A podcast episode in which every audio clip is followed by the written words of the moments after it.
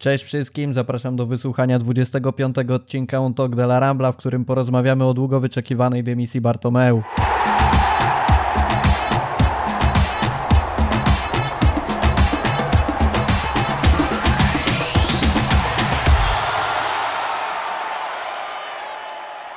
W komentarzach pod przedostatnim podcastem pojawiła się informacja, że prowadzący nie musi się przedstawiać za każdym razem, więc dzisiaj przedstawiam tylko mojego gościa, jest nim Julia Cicha.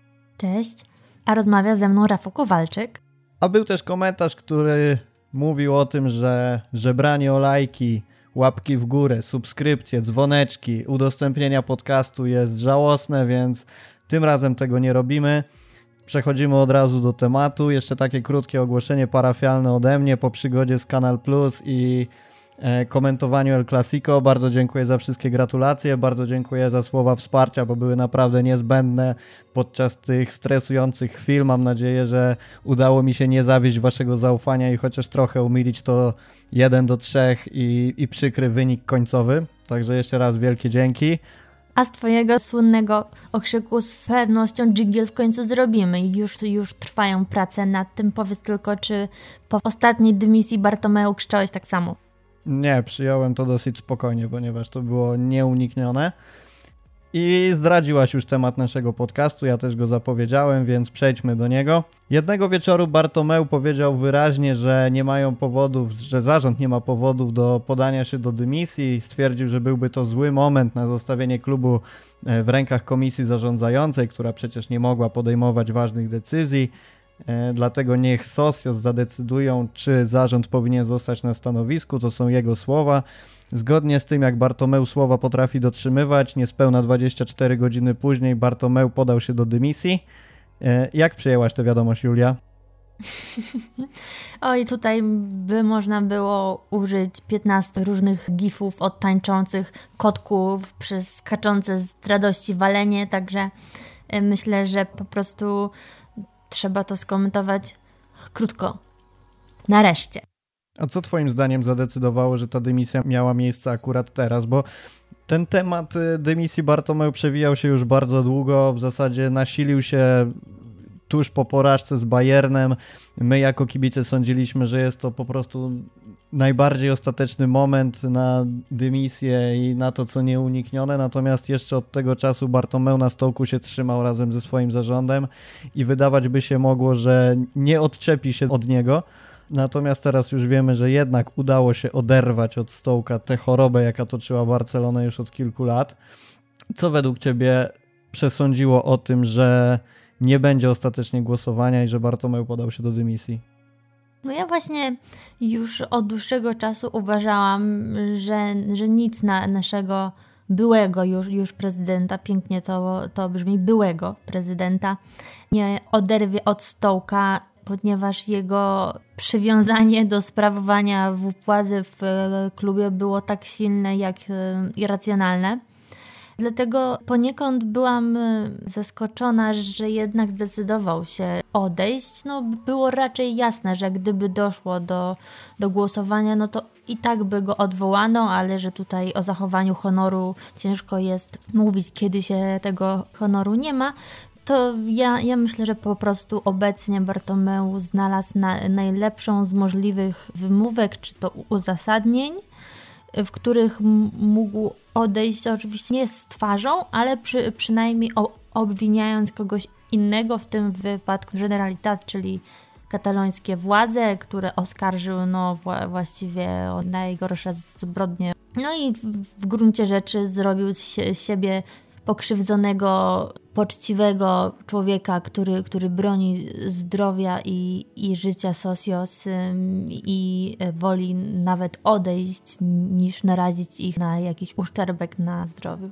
A nie masz takiego wrażenia, że cały ten proces związany z głosowaniem, z odejściem Bartomeu, to były takie zagrywki zarządu, żeby jak najbardziej przeciągnąć ich odejście, co było nieuniknione tak naprawdę, bo tak jak mówisz, gdyby doszło do tego głosowania, to trudno sobie wyobrazić, że e, ta większość tych dwóch trzecich głosów, jakie były wymagane do obalenia zarządu przy 10%, jeżeli się nie mylę, frekwencji nie zostałaby zebrana. Ja mam takie wrażenie, że wszystko to, co oni robili od samego początku, kiedy zaczęło się mówić o odwołaniu zarządu, to były czyste działania po to, żeby jak najbardziej odsunąć datę e, głosowania, żeby oni mogli w jakiś sposób posprzątać bajzel, jaki zrobili w biurach zarządu, bo Bajzel był oczywiście przeogromny, gdzieś to przez te kilka lat się gromadziło, gromadziło, gromadziło i nagle pojawiła się informacja o odwołaniu ich. W związku z tym ten pożar trzeba było jakoś chociaż trochę ugasić, żeby jak najmniej spraw wyszło teraz na jaw. Nie sądzisz, że takie coś mogło mieć miejsce? Tak, na pewno. Już katalońskie media też się tego doszukiwały i myślę, że w tym jest wiele prawdy, tylko pytanie e, właśnie ile z tych spraw teraz czy to komisja zarządzająca, czy, czy nowe władze, czy jakiś znowu może audyt zewnętrzny, ile z tych przekrętów wyjdzie na jaw, a ile udało im się rzeczywiście zakopać na tyle, no że nie dowiemy się tak naprawdę nigdy, co tam się, się w klubie działo, lub za jakiś długi, długi czas okaże się, że było tak, a nie inaczej. No tak jak w przypadku Laporty choćby było, że oskarżono go działanie na szkodę klubu i było z tego bardzo, bardzo duże zamieszanie i to zaszkodziło jego reputacji. A sąd go później uniewinnił, tylko że to było po tylu latach, że no już y, szkoda się, się wyrządziła i trudno było to na, naprawić. To, tu myślę, że może być przy, w przeciwną stronę, że y, na razie może być cisza, a dopiero za jakiś dłuższy, dłuższy czas obecny zarząd zostanie pociągnięty do odpowiedzialności, no co jednak powinno się stać. A czy sądzisz, że można nazwać Bartomeu najgorszym prezydentem w historii Barcelony? A to widziałam, przewijało się też na Twitterze ostatnio takie dywagacje, czy może Gaspard był gorszy, bodajże Mateusz Święciński tak uważał. Dla mnie to zawsze wygląda tak, że to, co jest bliższe nam, świeższe, co się e, wydarzyło teraz, tydzień temu, pół roku temu, a nie 20 czy 50 lat temu, wzbudza w nas o wiele większe emocje i większość osób powie, że tak, Bartomeu był najgorszy, tak jak za x lat miejmy nadzieję, że nie, przyjdzie ktoś mniej więcej tak samo beznadziejny. I znowu będzie dylemat i prawdopodobnie znów wskaże się na tego bardziej współczesnego. Dlatego takie porównania to jest trochę jak porównywanie chyba w jednym z pierwszych podcastów piłkarzy różnych epok, czyli czy Messiego możemy porównać z Maradoną, no to myślę, że tu jest bardzo podobnie, bo też realia zarządzania się, się zmieniają. I ja jestem całkowicie usatysfakcjonowana e, powiedzeniem, że Bartomeu był fatalny, był, był beznadziejny, a czy był najgorszy, to już jest kwestia drugorzędna. Ja też sądzę, że tym rozważaniu, czy Bartomeu, czy Gaspard, bo generalnie między tą dwójką toczy się bitwa o najgorszego prezydenta Barcelony. Myślę, że też ważne jest spojrzenie na to, w jakim momencie startował Gaspard i w jakim momencie startował Bartomeu. Ja się szczerze przyznaję, że czasów Gasparta nie pamiętam, bo jestem za młody i nie kibicowałem jeszcze wtedy e, Barcelonie i ciężko mi też z tego powodu oceniać, bo jakby tak jak mówisz, to co przeżywamy też wywiera na nas inny wpływ niż to, o czym przeczytamy z książek i, i, i to doświadczenie ma zupełnie inne, inne odczucia dla nas. Natomiast trzeba przyznać to, że Bartomeu obejmował Barcelonę, kiedy ta była naprawdę na topie, zarówno jeżeli chodzi o przygotowanie kadrowe, jak też perspektywy do rozwoju, bo... Tak, szczególnie, że on e, wygrał wy, wybory na fali tripletu i dlatego do dziś są kules, którzy uważają, że ten triplet za Luisa Enrique e, wyrządził bardzo dużo złego klubowi. Tak, ale to już wtedy mówiło się dużo o tym, że ten tryplet może Barcelonie zaszkodzić. No wiadomo, że nie zrezygnowalibyśmy z trypletu tylko dlatego, żeby Bartomeu nie doszedł do władzy. Natomiast myślę, że to jest istotne, żeby to powiedzieć, że to nie jest teraz taki nasz pogląd, że Barcelonie tryplet w tym sensie zarządczym zaszkodził, ale już wtedy te głosy się pojawiały, co świadczy o tym, jakim prezydentem był Bartomeu i z jakiego punktu startował, z jaką opinią, skoro już na samym starcie gdzieś te głosy się przewijały nie zaczynał z taką czystą kartą, tylko już wtedy były wątpliwości. No w każdym razie, troszkę podsumowując Gasparta i, i, i Bartomeu, no to tak jak mówisz, ciężko oceniać, ciężko porównywać, pewnie jeden i drugi był fatalny, natomiast fakt, że Bartomeu dysponował bardzo fajnymi perspektywami do rozwoju klubu już na starcie i to jak skończył, myślę, że jest solidnym argumentem dla tych, którzy uważają go za najgorszego. E, dajcie znać w komentarzach, jak wy uważacie, czy gorszy był Gaspard, czy Bartomeu.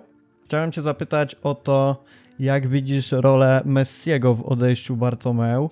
Wiemy, że w minionym oknie transferowym była, było duże zamieszanie z odejściem Messiego, z jego przenosinami do Manchesteru City i nie raz i nie dwa w jego wypowiedziach przewijała się postać Bartomeu, którą określał jako człowieka niegodnego zaufania, niedotrzymującego słowa itd., tak itd. Tak I o tym, że ta rola Messiego w odejściu Bartomeu jest olbrzymia, według mnie kluczowa, bo sądzę, że bez tego zamieszania Bartomeu w klubie by pozostał.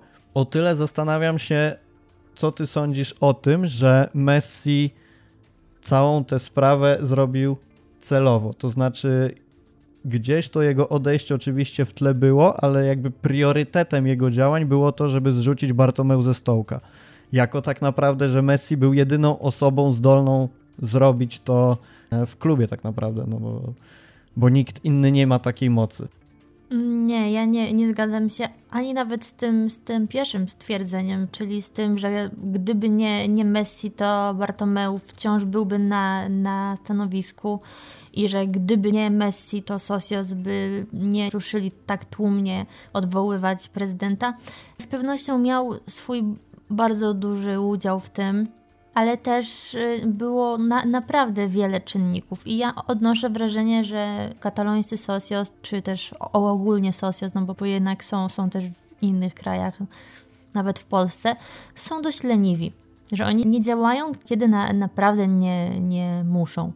I oczywiście no, złożono ten y, wniosek o wotum nieufności dzień po wywiadzie Messiego. No i oczywiście to miało bardzo duże znaczenie, ale no nie zapominajmy o aferze Barca Gate, tak, o porażkach tutaj po kolei z Romą, Liverpoolem, no i z Bayernem. Nie zapominajmy o słowach Piqué, który już, już dzień po właśnie meczu z Bayernem powiedział, że drużyna sięgnęła dna, co zresztą powtórzył w późniejszym wywiadzie, mówiąc, że to już było naprawdę dno i stamtąd można było iść, iść tylko wyżej.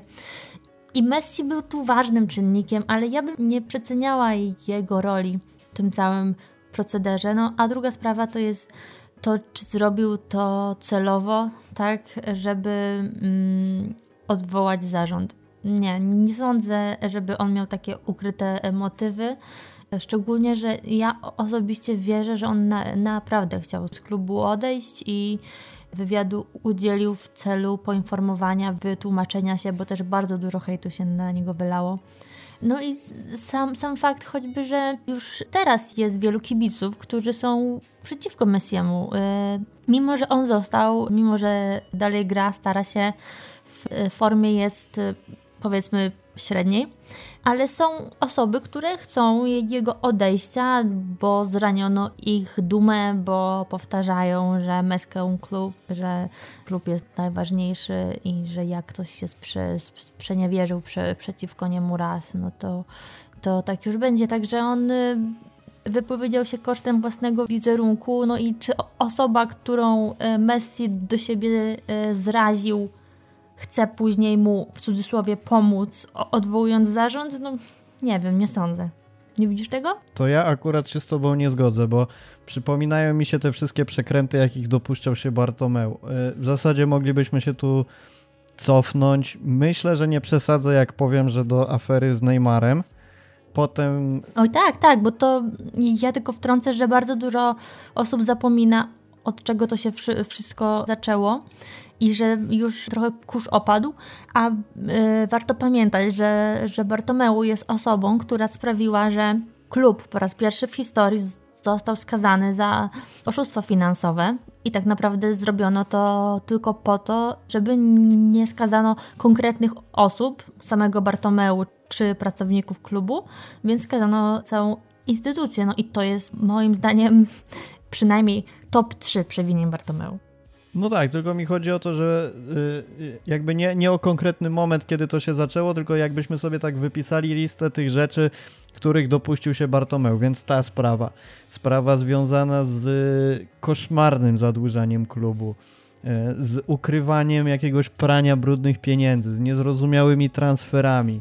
E, możemy tak wymieniać i wymieniać. Akcja z mediami społecznościowymi, z oszukiwaniem zawodników, z uciekaniem od odpowiedzialności prawnej itd., tak. Tak I jakoś po żadnej z tych akcji nie doszło ze strony Socios, przynajmniej w mojej opinii, do jakichś radykalnych działań, które w jakiś sposób przeciwstawiłyby się temu, co robi Bartomeu. Oczywiście media społecznościowe, Twitter kipiał, pojawiały się hasztagi Bartomeu out, oczywiście to wszystko wiemy, tylko do momentu, kiedy Messi się za to nie wziął, to tak naprawdę to wszystko ograniczało się do jakichś pustych wykrzykiwań i, i braku konkretnych działań, za co ja szczerze mówiąc do Socios mam trochę żal. Natomiast, tak jak mówię, dla mnie sytuacja z Messim jest kluczowa i to kluczowa, tak jak ty mówisz, żeby nie przeceniać tej sytuacji. To ja właśnie uważam, że ona w głównej mierze odpowiada za to, co się stało, bo gdyby nie to, to prawdopodobnie nie byłoby odejścia Bartomeu i tak, ja tak sądzę. I przeczekalibyśmy po prostu ten okres do kolejnych wyborów. Natomiast. Ale zobacz, dwa czy trzy lata temu wniosek o wotum nieufności złożył Augusti Benedito i ja się muszę przyznać, że wtedy go trochę wyśmiałam i myślałam, że jak e, bardzo niekompetentnym trzeba być, e, żeby z ponad 100 tysięcy socios nie być w stanie uzyskać kilkunastu tysięcy podpisów. I do, dopiero w tym roku uświadomiłam e, sobie, że przy wymaganiach dotyczących liczby dni na zbieranie, przy wymaganiach formalnych w samych podpisach, przy ich weryfikacji, że to jest bardzo, bardzo, bardzo trudne, y, a jemu wtedy za, zabrakło wcale nie aż tak dużo, więc ja bym to ujęła w taki sposób. Messi był tym, co pozwoliło takiemu mm, Benedito uzyskać tę liczbę głosów, której potencjalnie by mu brakowało. Taką wartością dodaną, tak? Tak, tak, dokładnie. No dobra, dobra. No jeżeli tak mówisz, to, to okej. Okay. Ciekawy jestem, co y, nasi słuchacze sądzą na ten temat. Możecie również tutaj wrzucić jakiś komentarz, na, jeżeli oglądacie nas na YouTubie. Jeżeli y, nie, to może gdzieś na Rambli, hashtag UTDLA Rambla. Łapki w górę, łapki w górę. Nie, o tym nie możemy mówić. Y, a czy widzisz jakieś w ogóle pozytywy jakie Bartomeu wniósł do zarządzania Barceloną przez ten okres jego sprawowania władzy? Mm, tak, przy, przynajmniej dwa. Pierwszy to jest taki mało popularny temat, ponieważ nie, niewiele osób wciąż się tym interesuje, ale jest to sekcja kobieca, która się bardzo dobrze rozwinęła. Barcelona ma świetną drużynę kobiet, która jest obecnie w lidze jedną z dwóch najlepszych razem z Atletico. To jest zespół, który dotarł do finału kobiecej Ligi Mistrzów i na, naprawdę bardzo prężnie się ro, rozwija, podpisuje mm, umowy sponsorskie e, bodajże z, z firmą Stanley mm, amerykańską była ostatnia, także to jest pierwszy duży sukces. A drugi to wymieniłabym digitalizację klubu, za, za którą odpowiadał mm, bodajże Didac Lee, z, z którym kiedyś e, nasi redakcyjni koledzy prze, prze, przeprowadzili mm, wywiad nawet, także możecie poszukać na stronie. Czyli po, powstanie wszy, wszystkich nowych tworów typu Barca Studios, tak, Match Day, serial, Barca TV Plus, czyli no, platforma streamingowa y, i wiele, wiele innych rzeczy, y, prężne działanie w mediach społecznościowych, y, w, w których Barcelona w każdym kolejnym raporcie uzyskuje bardzo dobre wyniki, w większości najlepsze spośród europejskich klubów.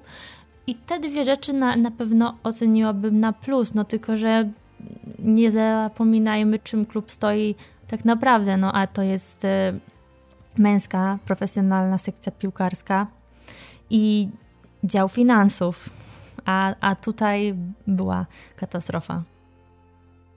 A nie sądzisz, że ta digitalizacja, o której wspominasz, działanie w mediach społecznościowych, to jest po prostu znak czasu, a nie działalność Bartomeu? No bo jakby ktokolwiek by nie przyszedł do Barcelony, no to byłby zmuszony tak naprawdę do pójścia z trendem, z duchem czasu i... No nie wiem.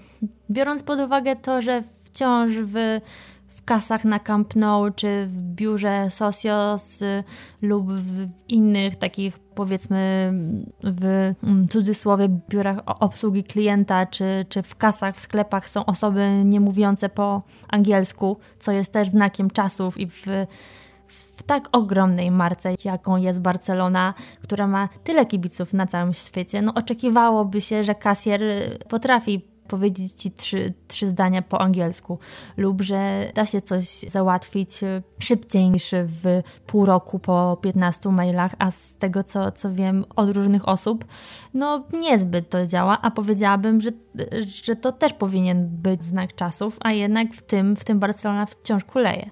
A powiedz, jak przyjęłaś tę konferencję pożegnalną Bartomeu, bo ja mam wrażenie, że ona była w takim charakterze jak na działalność Bartomeu, bardzo negatywną działalność dodajmy, taka mało, jakby to powiedzieć, Bartomeu mało przyznawał się do błędów, dużo próbował delegować odpowiedzialności na inne podmioty i w zasadzie, gdyby ktoś przeczytał, ktoś spoza Barcelony, ktoś niezainteresowany sytuacją klubu, gdyby przeczytał tę konferencję, to miałby wrażenie, że w zasadzie Bartomeu nie był taki wcale zły na tym stanowisku. Ja sobie zapisałem takie pytania, które on wymienił. E, pozwolę sobie je teraz przeczytać. Kto zatrudniłby nowego trenera? Kto miał decydować i negocjować podczas okienka transferowego? Kto obroniłby ciągłość gry Leo Messiego? Kto musiałby wdrożyć redukcję wydatków? Kto zmierzyłby się z proponowaniem dostosowania zarobków wszystkich profesjonalnych sportowców? I tymi pytaniami on sugeruje, że nie podał się do dymisji wcześniej, bo musiał zająć się tymi sprawami.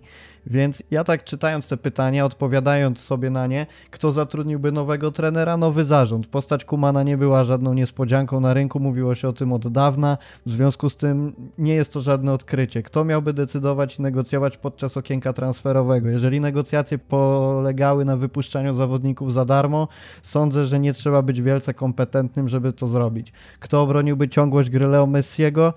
cudem udało im się utrzymać go w klubie, więc też nie jest to jakieś wielkie znowu y, dokonanie moim zdaniem. Kto musiałby wdrożyć redukcję wydatków? Z tego co ja się orientuję, popraw mnie jak się mylę, to redukcja wydatków może polegać praktycznie na tym, że będą starali się przymuszać zawodników. Kto zmierzyłby się z proponowaniem dostosowywania zarobków? No to jakby ten sam temat. Zgadzasz się ze mną, że ta konferencja Bartomeu była trochę taka, co złego to nie ja?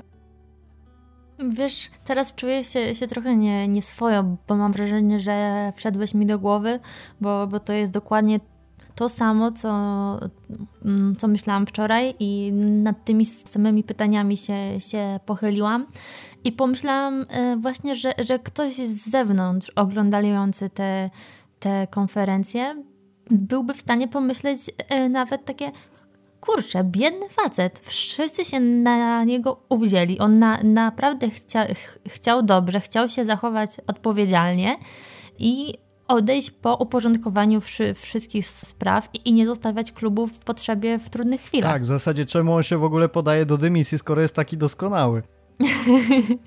no tak nie, nie przesadzajmy, ale że e, naprawdę można by e, pomyśleć, że to się uwzięły na niego katalońskie władze, media i przeciwnicy, którzy tam e, padły słowa o, o Belgach, o, o groźbach nawet wobec e, jego rodziny, co rodzi taki obraz małych, biednych, zastraszonych dzieci, które boją się wyjść z domu, bo, bo tam czyhają źli, źli ludzie, przynajmniej z transparentami. To za, zabrzmiało trochę śmiesznie w kontekście obecnej sytuacji w Polsce, ale trudno. Także myślę, że, że, że Bartomeu e, bardzo dobrze, jak na tak krótki czas zaplanował to wystąpienie. No i to, że chwalił się tym, co zrobił i nie skomentował w żaden sposób fakapów, no to to było raczej do przewidzenia, dlatego ważne jest, myślę, ocenianie go całościowo i staranie się przekazać takiego pełnego obrazu, a więc i tego, co, co było dobre, i tego, co, co było złe. I myślę, że tutaj e, trochę reklamy e, musi być, że, że, że u nas na portalu e, staramy się, się właśnie w taki sposób to, to wszystko pokazywać.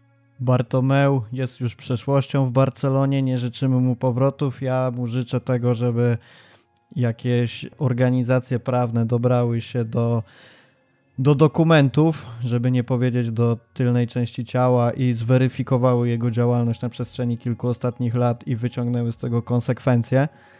Natomiast co dalej? Powiedz krótko naszym słuchaczom, proszę, e, jak będzie wyglądać Barcelona bez prezydenta w kilku następnych tygodniach, miesiącach? Krótko. Mamy komisję zarządzającą, która się składa z osób siedmiu. Jej przewodniczącym jest przewodniczący Komisji Finansowej klubu. E, facet, który ma, który ma spore doświadczenie, wykształcenie, jest ekonomistą, e, także powinien e, dać sobie radę. Głównym celem komisji jest organizacja wyborów w terminie od 40 do 90 dni. Spekuluje się obecnie o 20 grudnia lub 10 stycznia, żeby zdążyć jeszcze na, na um, okienko transferowe. I komisja obecnie podejmuje e, wszelkie decyzje, e, mówiąc naj, najprostszym językiem, żeby klub się nie rozsypał. Czyli podejmuje decyzje, które są konieczne, a nie takie, które by miały wpływ na późniejszy zarząd, co jest momentami fikcją, ponieważ już e, odkopaliśmy, że 5 lat temu taka sama właśnie komisja przeprowadziła transfery Ardy Turana i Alisza Vidala, także e, może niech oni pozostaną przy, przy swoich e, kompetencjach, no ale na, na pewno będą dalej negocjować choćby obniżkę zarobków z, z piłkarzami. Kadenaser podała, że klub e, musi zaoszczędzić na tym aż 190 milionów euro, więc na, na pewno nie, nie będzie łatwo. No i to jest w, za, w zasadzie tyle. E, myślę, że nadchodzą spokojniejsze dni na Camp Nou. Też przekonamy się na, na konferencji prasowej, którą zwołano na, na czwartek. Więc zakładam, że w momencie, w którym, w którym słuchacie tego, to już, już się, się ona odbyła, więc z pewnością już mamy pełny obraz sytuacji. W takim razie powiedzmy sobie na koniec podcastu jeszcze krótko o wyborach. Oczywiście pełną sylwetkę kandydatów będziemy Wam prezentować w kolejnych odcinkach, pewnie bliżej samych wyborów. Pewnie też ta sylwetka i sam program wyborczy będzie się jeszcze kształtował w ciągu następnych tygodni. Natomiast gdybyś miała na ten moment określić, kto jest faworytem do, do wygrania tych wyborów, to kto by to był? Wszystko y, zależy od tego, czy wystartuje Jean Laporta. Y, mówi się, że tak, ale on tego jeszcze nie potwierdzi. W każdym razie obecnie przy, przy takiej panoramie wy, wyborczej, y, jaka jest, wydaje się, że na, największe szanse ma Victor Font i właśnie Jean Laporta. A Jordi Farre, nie, nie uważasz, że ukoronowaniem jego sukcesu byłoby wygranie wyborów? To jest jakiś e, oszołom, który no, nie ujmując mu zasług, ale on jedzie właśnie na tym, już też e, z tym, mm, z tym zło, złożeniem wniosku o wotum nieufności. Były duże plany i on po, po prostu zrobił to jako pierwszy. Poszedł o 9 rano bodajże, e, kiedy otwierają na Camp Nou biura, no i jak już zrobiła to jedna osoba, to nie mogła robić tego kolejna. Ja od siebie dorzucę, że tak samo jak ty uważam, że sytuacja rozegra się między Laportą a Fontem. E, mam tylko takie wątpliwości co do postaci Wiktora Fonta, że w momencie, jeżeli Xavi jako trener nie przyjdzie do Barcelony bądź nie wypali na poziomie sportowym, to automatycznie wszystkie argumenty wytrącą się po prostu Fontowi z ręki i nie będzie miał nic więcej do zaoferowania Barcelonie i będzie tym, który obiecywał Xaviego i nic więcej, bo mam wrażenie czytając jego wypowiedzi, że cały program wyborczy tego gościa opiera się na tym, żeby do Barcelony przyszedł Xavi. No i oczywiście e, postawienie Messiego w roli legendy klubu, nazwanie stadionu jego imieniem, postawienie pomników i tak dalej, i tak dalej. Jakoś... Nie, nie do końca. on ma, ma, ma właśnie całkiem fajny plan też finansowy na erę po Messi. Tylko, że myślę, że tr trzeba by sięgnąć do jego e, wcześniejszych wy wywiadów, a nie tych obecnych, bo wypowiedzi sprzed, jakichś paru miesięcy czy, czy lat myślę, że, że mówią wbrew pozorom więcej, bo nie są takie pod publiczkę i nie, nie starają się tak strasznie o ten elektorat, więc, więc tam się, się można dowiedzieć trochę więcej. Ale z drugiej strony, czy wypowiedzi sprzed wielu miesięcy i wielu lat mają przełożenie na obecną sytuację Barcelony? I to jest to, o czym właśnie mówię, że do szerokiego grona odbiorców docierają przeważnie te najbardziej głośne, najbardziej robione pod publiczkę wypowiedzi, z których jasno wynika, co będzie sercem tych decyzji politycznych Fonta. No i ciekawi mnie, jak podejdą do tego Socios, bo, bo jeżeli dadzą się kupić na, na Szawiego, na Messiego, a ten przedstawiony program polityczny Fonta gdzieś zostanie przez niego przemycony, ale nie do końca przeanalizowany przez Socios, to żeby nie okazało się czasem, że wyjdzie z tego po prostu kolejna klapa. I ja też sądzę, że te kolejne tygodnie dopiero pokażą, kim naprawdę są kandydaci na to stanowisko, bo możemy sobie dużo mówić o, o kampanii teraz, czy tak jak mówisz, wcześniej, natomiast to, co oni zaprezentują teraz, ten efekt świeżości, o którym sobie rozmawialiśmy na początku, będzie kluczowy. Mm, wiesz, ja póki co nie, nie opowiadam się po żadnej stronie, ale zachęcam kibiców, jeśli mają czas, chęci i, i mówią po hiszpańsku bądź po angielsku, to istnieje bardzo dobry sposób na poznanie Wiktora Fonta. On co jakiś czas organizuje spotkania z kibicami na platformie Zoom. Wystarczy się zarejestrować, podać maila, oni ci wysyłają link. Tam na czacie można za, zadawać mu pytania. Y, on odpowiada na większość. Sama brałam udział w takim, w takim spotkaniu, więc y, myślę, że, że można się, się y, sporo dowiedzieć. On, on sam bardzo dobrze po mm, angielsku mówi, także myślę, że, że dla Polaków to jest też ciekawa opcja i wydaje mi się, że w najbliższy e, wtorek, to byłby 3 listopada, planowane jest kolejne spotkanie. W takim razie pytania możecie zadawać Fontowi, możecie pytania zadawać nam, możecie komentować dzisiejszy podcast, który dobiega powoli końca. Moim gościem była Julia Cicha. Dzięki. Nie przypominam o łapkach w górę i innych YouTube'owych rzeczach, które wzbudzają w Was frustrację. Wiecie sami, co zrobić najlepiej. E, do usłyszenia w kolejnym odcinku. Trzymajcie się.